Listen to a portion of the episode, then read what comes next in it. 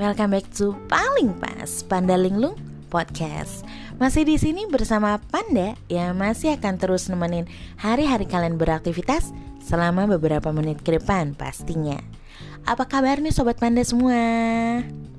Semoga bebe aja ya. Dan Panda mau ngingetin kalau akhir-akhir ini udah mulai hujan Mungkin kita udah mulai memasuki musim hujan Jadi jangan sampai badan kalian itu drop, jangan hujan-hujanan. Kalau misalnya pulang kerja hujan lebih baik teduh dulu, tunggu dulu, nanti baru pulang ya. Soalnya kan dengar-dengar ada gelombang berikutnya nih soal COVID. Jangan sampai badan kalian itu drop, terus flu dan akhirnya mudah untuk terserang COVID. Oke, okay. kali ini tengah malam lagi. Jadi tengah malam Sabtu ini Panda akan bawain topik lebih ke pengalaman pribadi Panda.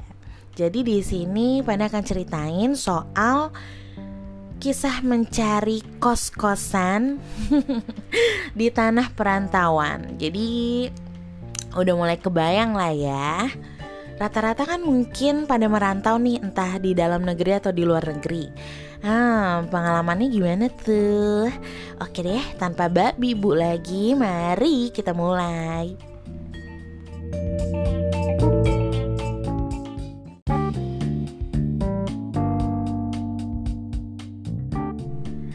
Ya, jadi langsung aja kita mulai ceritanya. Gue yakin ya lo lo pada kalau misalnya udah bertumbuh dewasa, entah itu mau masuk SMA atau kuliah atau kerja atau malah ada yang mulai dari SMP mungkin ya. Itu udah ada yang di luar kota atau di luar negeri mungkin. Dan itu semua tuh pasti butuh yang namanya nyari kosan. Dan ini tuh PR banget ya karena kalau zaman dulu tuh belum kayak sekarang ya. Mungkin sekarang kita udah bisa nyari di IG udah bisa nyari di website nyari di mami kos di aplikasi gitu kan. Kalau dulu tuh masih susah. Jadi dulu itu mesti kita survei langsung ke sana atau mungkin ada yang punya kenalan di sana kita bisa tanya langsung. Tapi kalau nggak ada kita harus datang ke TKP-nya langsung dan kita muter-muter sendiri deh tuh nyari kosan. Kebayang nggak sih zaman dulu nyari kosan tuh susah-susah gampang sih sebenarnya kalau lo punya kenalan. Kalau misalnya enggak ya susah gitu tuh. Lo harus ngiterin dan yang namanya kosan dulu itu kan masih sedikit ya nggak kayak sekarang. Kalau sekarang itu kosan jadul, kosan tengah-tengah dan kosan modern itu kayaknya udah banyak banget. Pilihannya banyak banget dan harganya pun bersaing gitu. Tapi kalau dulu itu kebanyakan masih di rumah si tante kosnya atau enggak om kosnya gitu tuh. Jadi kita kayak tinggal bareng gitu kan. Jadi misalnya lantai satu nih rumah si yang punya kosan terus yang lantai duanya itu yang di kos kosin dan kita tuh ya pasti serumah sama yang punya kosan. Dan kebetulan gue udah mulai nyari kosan itu pas gue kuliah. Jadi ini gue nggak ceritain di luar negeri ya gue ceritain dalam negeri aja. Dan itu waktu gue kuliah dulu itu di kota Bandung. Nah pas di Bandung ini sih nyari kul eh nyari kuliah nyari kosan maksud gue. Tuh kan kalau tengah malam tuh kebanyakan udah ngadet gitu tuh. Mau ngomong apa tuh kayak mulut tuh udah capek. Aduh tidur tidur. Tapi tengah malam itu tuh gue lebih sukanya karena dia tuh lebih hening makanya gue lebih suka podcast tengah malamnya tuh kayak gitu. Tapi kadang nih otak sama mulut tuh nggak bisa sinkron tau nggak? Oke skip. Kita langsung lanjut ke kosan. Oke, jadi dulu uh, di kota Bandung itu kebetulan kosannya gue nggak nyari sendiri. Karena saudaranya temen gue itu udah ada di sana duluan. Jadi ya udah dari daripada capek nyari lagi kan. Seperti yang tadi gue bilang nggak gampang. Kalau sekarang itu mungkin kita bisa lewat medsos atau nggak aplikasi. Tapi kalau dulu tuh masih susah. Jadi gue ya udahlah gue ngikut aja. Dan itu tuh yang kayak tadi gue bilang gue tinggal sama si keluarga yang punya kosan. Dan itu tuh keluarganya lumayan berbeda ya berbeda daripada yang lain. Jadi si tante kosnya itu kayak gimana om kosnya kayak gimana anak-anaknya gimana dan ya drama keluarga keluar di kosan itu. Jadi lumayan menurut gue sih kurang privacy ya. Jadi hmm, gue sih nggak terlalu gimana karena gue tuh dulu tuh anak kupu-kupu gitu jadi kupu-kupu gitu deh maksud gue. Jadi yang taunya tuh cuma kuliah pulang kuliah pulang. Jadi gue nggak tahu dunia luar. Jadi gue kebanyakan ngerem di kosan dan ngeremnya itu ya kebanyakan nyaksiin drama mereka gitu tuh. Ada yang ntar anaknya berantem ntar suaminya berantem sama istrinya dan suaminya ini pendiam banget suka bengong gitu di teras ngerokok ngopi. Ya bengong gitu aja deh. Dan dia tuh kayak nggak mau ngomong sama anak kosan yang lain karena emang itu kan kosan khusus cewek. Jadi mungkin dia kan cowok nih jadi mungkin nggak mau terlalu banyak singgungan deh. Takutnya ntar dikira om kosan genit lah atau apalah gitu tuh. Nah sedangkan si tantenya ini tante-tante yang tipe barbar gitu kan dia ngerokok dan uh, ya tante gaul gitu tapi itu galak cuy. Dan anaknya tuh ada yang galak juga kayak emaknya ada yang kayak bapaknya juga gitu bukan suka bengong juga ya maksud gue lebih ke kalem dan ya unik sih gitu dan pengalaman banget. Nggak ada kejadian yang gimana gimana sih waktu itu di kosan. Kita skip aja kita langsung ke pengalaman gue. Pas gue udah balik lagi nih dari luar negeri terus pulang gue mau nyari kerja. Dan saat itu gue keterima kerjanya itu juga dadakan. Sebenarnya gue belum mau kerja dulu. Gue juga kayak pengen mau relax satu bulan dua bulan dulu ntar baru kerja gitu kan. Quality time dulu sama family gitu kan kumpul-kumpul karena udah kepisah lama gitu kan udah ngerantau lama.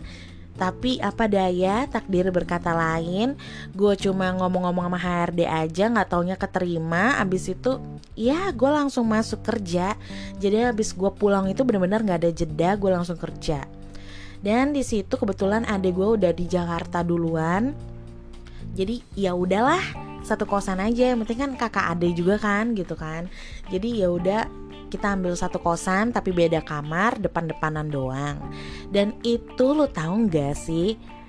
Itu kosan tuh sebenarnya khusus murid atau mahasiswa dari universitas sebelah yaitu Fakultas Kedokteran. Jadi lu bayangin kosan itu dibangun itu untuk anak-anak kedokteran. Gua nggak tahu kenapa pokoknya om dan tante kosnya itu pokoknya mau semuanya itu yang ngekos di situ adalah murid kedokteran gitu. Sedangkan gue bukan, tapi akhirnya dibolehin dengan alasan ada adik gue di situ gitu kan. Dan itu bener-bener wow itu pengalaman yang kayak ah pokoknya mau pagi mau siang mau sore mau malam itu kosan tuh hening. Mau ada orangnya atau orangnya lagi tidur itu hening cuy. Bener-bener bener-bener anak-anakku tuh buku kayaknya semuanya.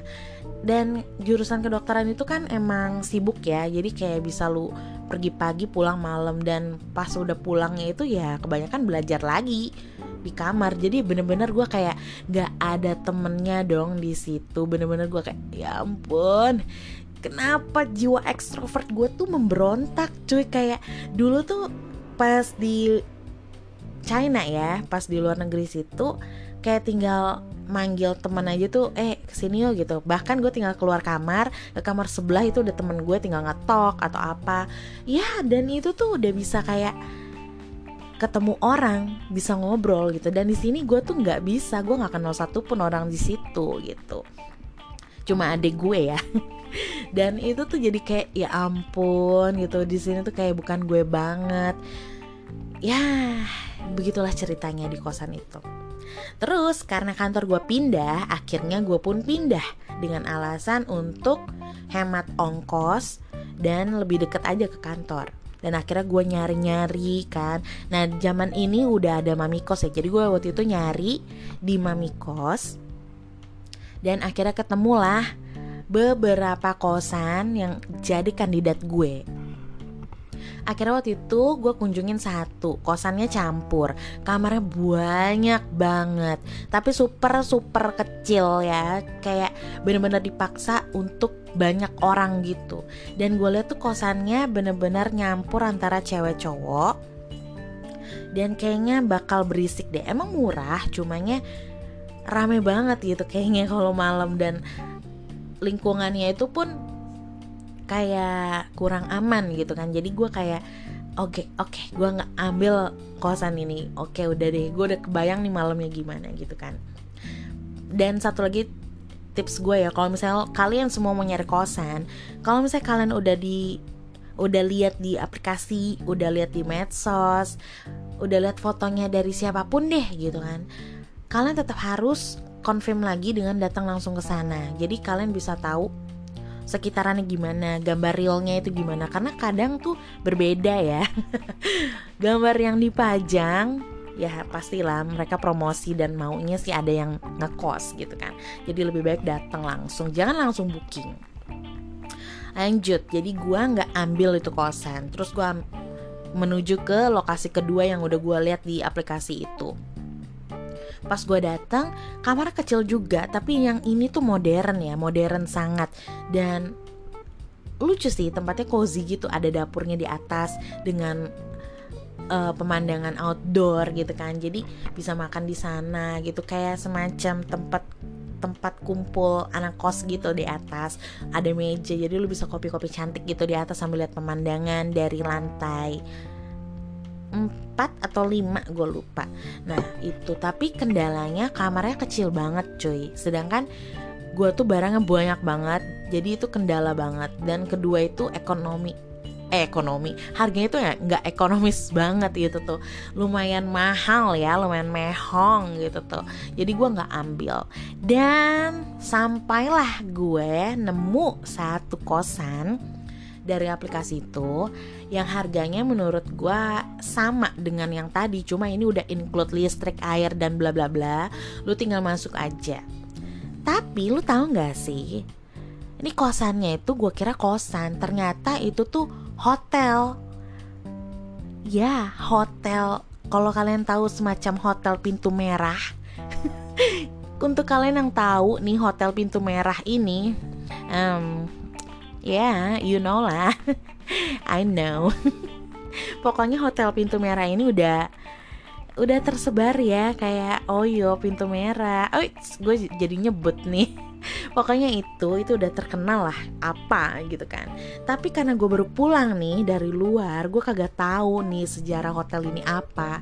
Dan akhirnya pas gue liat kamarnya wih gede cuy. Ya sama lah kayak kamar sebelah sebelahnya cuma kenapa nih kamar dijadiin kosan? Karena bentuknya itu jadi dia tuh nyempil di ujung pas di hook gitu. Dan ada besi gitu ada pilar gitu di tengah penyangga jadi kata pihak hotelnya itu tuh kayak nggak etis aja untuk disewain harian gitu tuh. Jadi dia buka sewa bulanan gitu tuh. Bisa untuk kosan. Dan akhirnya gue lihat harganya juga masuk karena udah include, listrik air gitu kan. Jadi gue ambil lah karena kamarnya itu pun juga gede muat untuk barang-barang gue dan jaraknya itu ke kantor gue deket banget kayak cuma 5 menit kepleset nyampe gitu kan. Tapi gue tetap telat ke kantor. Yeah you know lah gue last minute punya orang gitu kan. Dan langsung lanjut lagi ke kosannya. Sebenarnya kosannya ini tuh nggak ada masalah. Nggak ada masalah horror mistis apa tuh nggak ada. Dan nyaman-nyaman aja gitu tuh. Cuma pilarnya itu cuma menurut gue sih nggak ganggu-ganggu banget ya. Ya gue jalan ke tengah itu juga nggak nyeruduk tiang itu kan langsung jatuh. Enggak lah gue lihat itu ada pilar gede gitu kan. Nggak ganggu gimana jadi gue ambil. Cuma cuma nih cuma ya karena gue kagak tahu nih ya sejarah hotel pintu merah di Indonesia ini seperti apa lama kelamaan mulailah. Mulai jadi si hotel ini tuh temboknya itu tipis. Bahkan kayaknya bukan tembok ya mungkin kayak semacam triplek tebel gitu doang. Jadi tuh uh, kasur gue dipisah sama si triplek itu terus nempel sebelah tuh udah kasur lagi. Jadi kasur ketemu kasur cuma kepisah sama triplek tebel dan pernah suatu saat suatu malam gue tidur tidur nih udah tidur pules kenapa goyang ya kenapa kasur gue goyang gitu kan? Gue kira gempa. Saat itu gue kira gempa dan gue panik gitu kan. Gue lihat ke bawah taunya orang-orang tuh nggak ada yang kayak panik juga gitu kan. Terus pas gue mulai menyadarkan diri lah kenapa ada suara ah gitu kan dari sebelah. Dan akhirnya gue nyadar dong sebelah itu lagi eh uh, uh, gitu. Lu tahu kan zaman lagunya Wik Wik yang dari Thailand? Ya lagu itu. Jadi ya uh, saat itu juga gue kayak denger ya ampun gitu kan. Dan pernah satu kali adik gue tuh nginep di kosan gue dan dia tuh kan jurusan kedokteran. Dia bawa stetoskop ya kebetulan nih kebetulan banget nih kebetulan. Dan malamnya tuh pas gue ketemu lagi sama kasur goyang itu gitu kan. Dan akhirnya gue iseng. Gue iseng gue pinjem tuh stetoskop adik gue dan gue tempelin deh ke ke tembok ya dan kedengeran lah makin beringas kayak ah gitu gak usah gue praktekin juga ya nggak usah nggak perlu Oke, okay. jadi gue sama adik gue cuma kayak ganti-gantian gitu denger pakai stetoskop, terus kayak buset ya, gila, gila, gila. Ini ngerusak mood tengah malam gitu yang tadinya kita udah siap mau tidur, jadi kayak, aduh, gue nggak bisa tidur nih gitu kan. Jadi kayak why? Why gue mesti dengerin ini gitu kan? Why mesti bareng adek gue lagi gitu? Dan akhirnya gue iseng. Gue iseng lagi nih ya lagi iseng kedua nih ya. Gue setelin deh tuh lagu Wik Wik yang lagi ngetrend saat itu. Gue gedein pakai speaker HP yang to the max lah ya. Gue setelin deh tuh ke sebelah.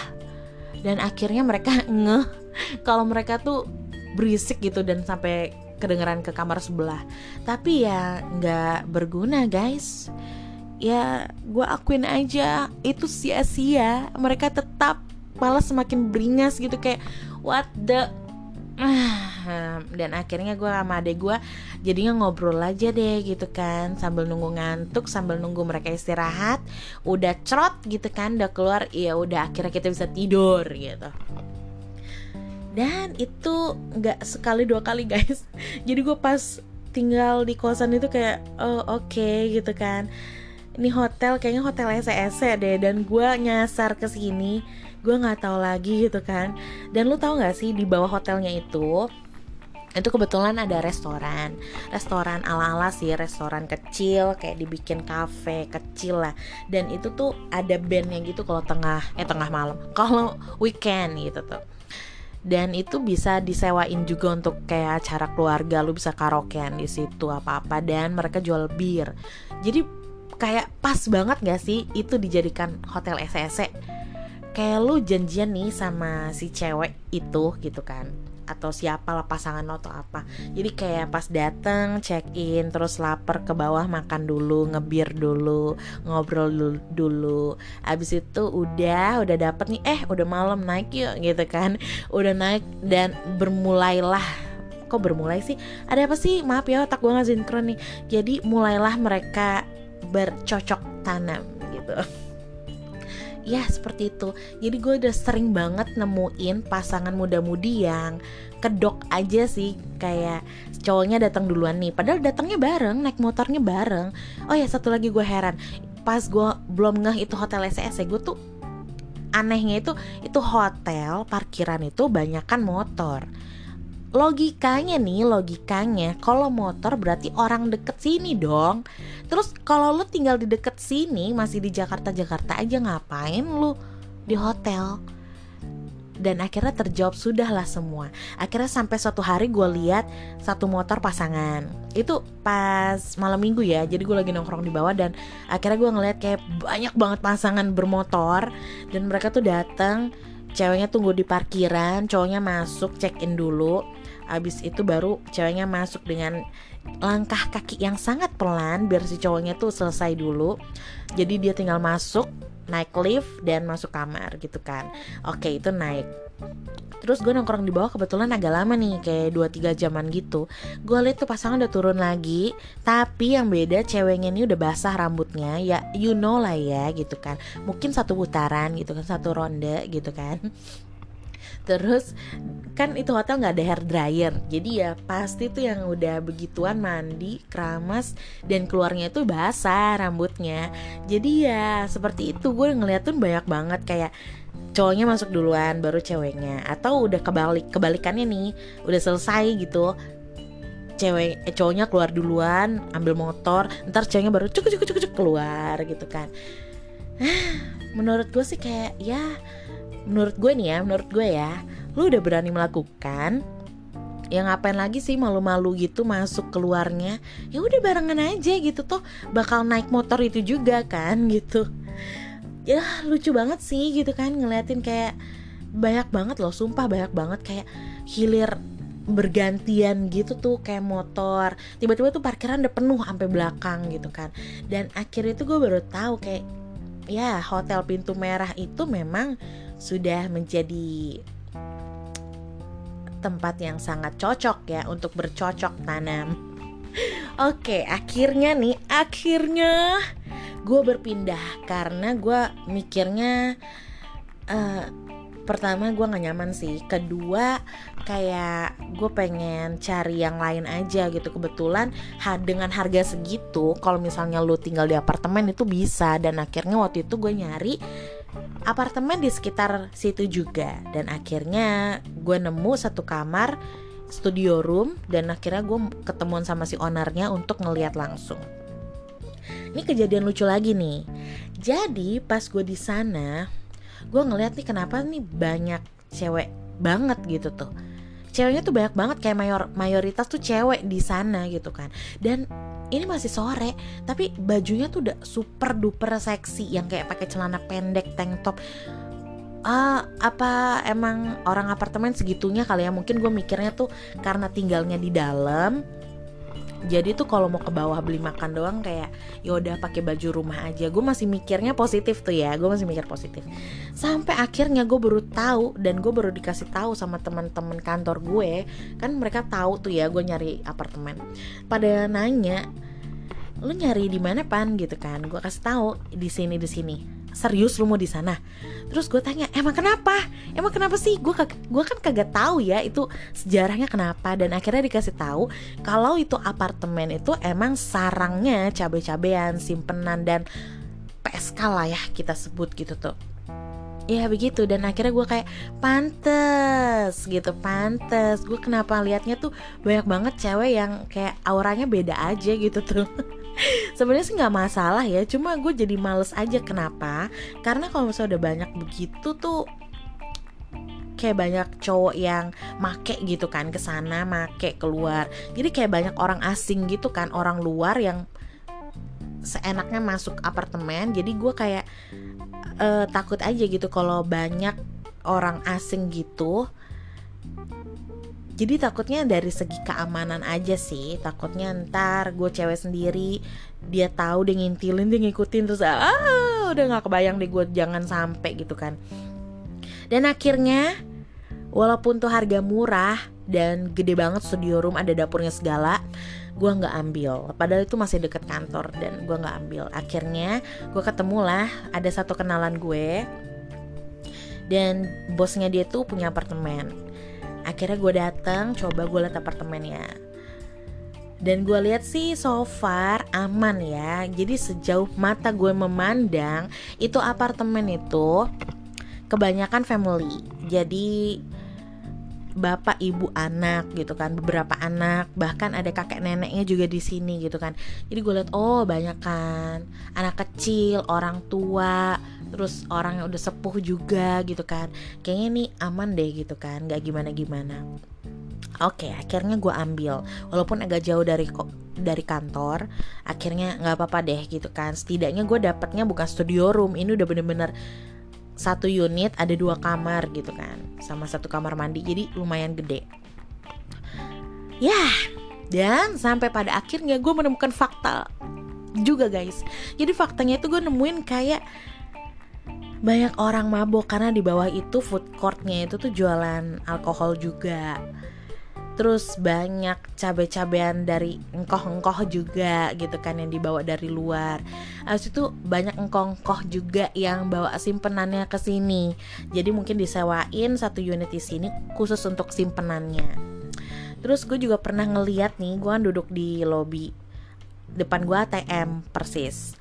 Terus gue lihat cowok ini narik duit, si ceweknya ini nungguin dari samping gitu kayak ngeliatin gitu tuh dan ya gue langsung nyadar aja kalau misalnya itu lagi bayar bayar jasa nya gitu kan. Sampai diliatin banget guys dijagain banget gitu. Beneran di samping ATM diliatin narik berapa kasih berapa dan bener-bener ditungguin biar nggak kabur.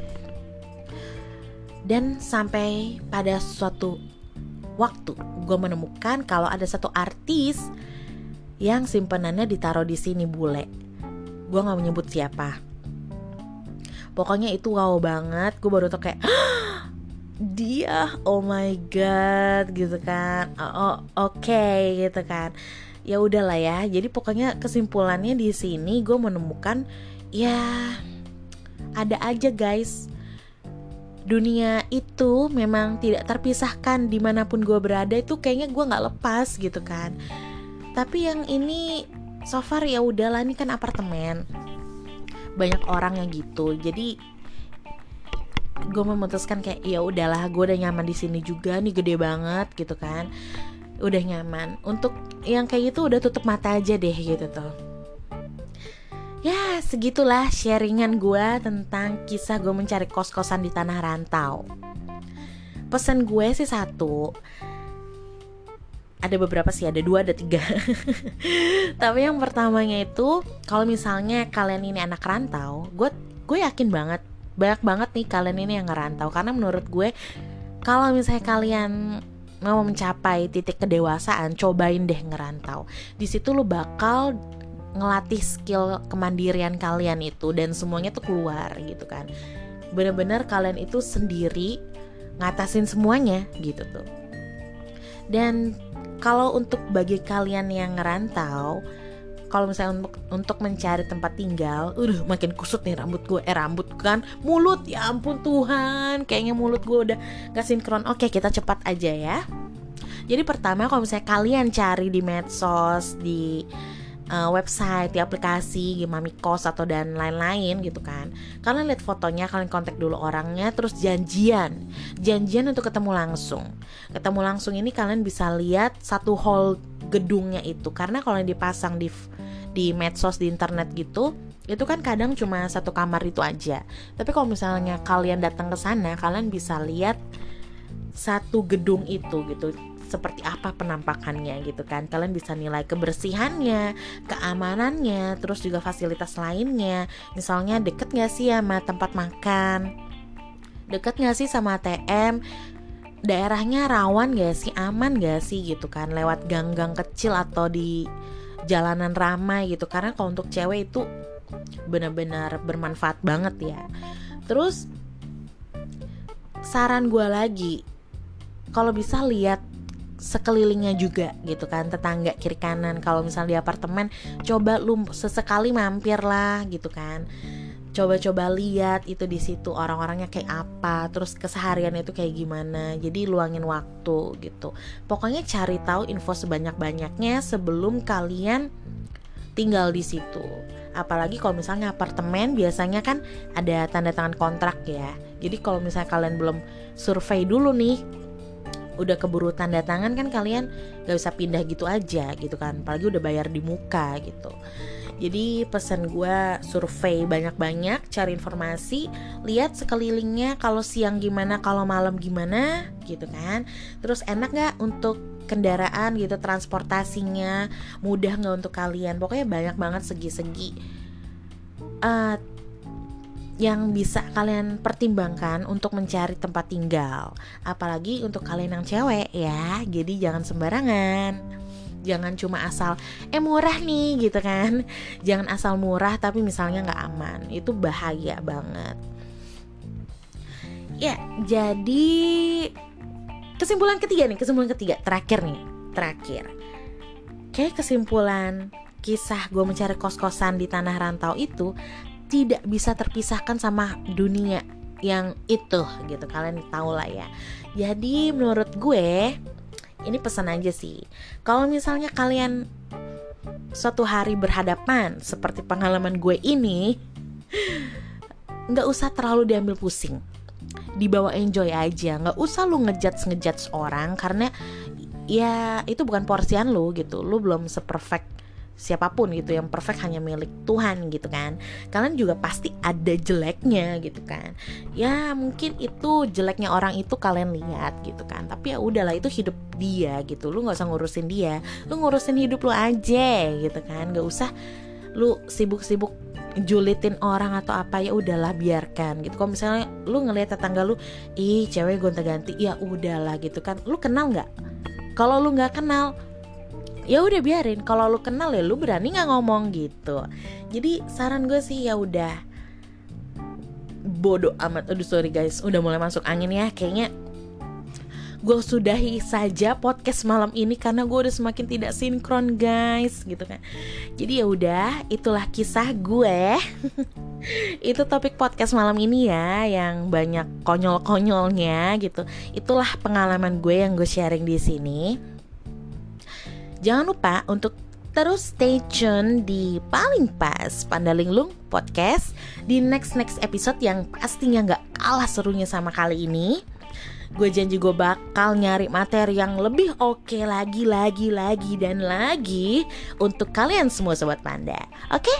see you, bye!